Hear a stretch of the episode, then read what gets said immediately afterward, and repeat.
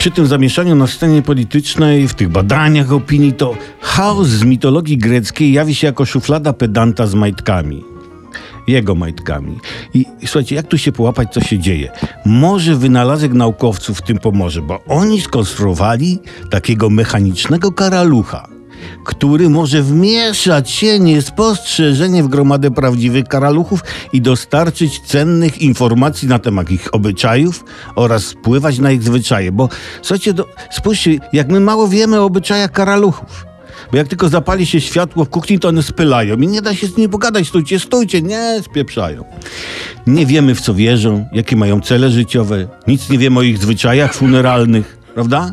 Co więcej, modele robotów, tutaj czytałem, będą mogły w przyszłości wywierać wpływ na rozmaite gatunki zwierząt. Na przykład robot kurczak zachęci kurczaki do większej aktywności fizycznej. No jak tam będą w tych broilerach miały miejsce, nie w tych hodowlach. No a ka karaluch robot powie swoim, nie, nie, spokojnie jedźcie, to nie jest trudka, nie, nie, nie. W przypadku kurczaków to nawet nie trzeba robotu, wystarczy zatrudnić człowieka, który od czasu do czasu rzuci kamieniem w stado i kurczaki będą się już poruszać. A politycy właśnie przypominają teraz stado kurczaków, które ktoś rzucił kamieniem, bo tak, tak, tak. Może w ich przypadku przydałby się taki robot, polityk, nie?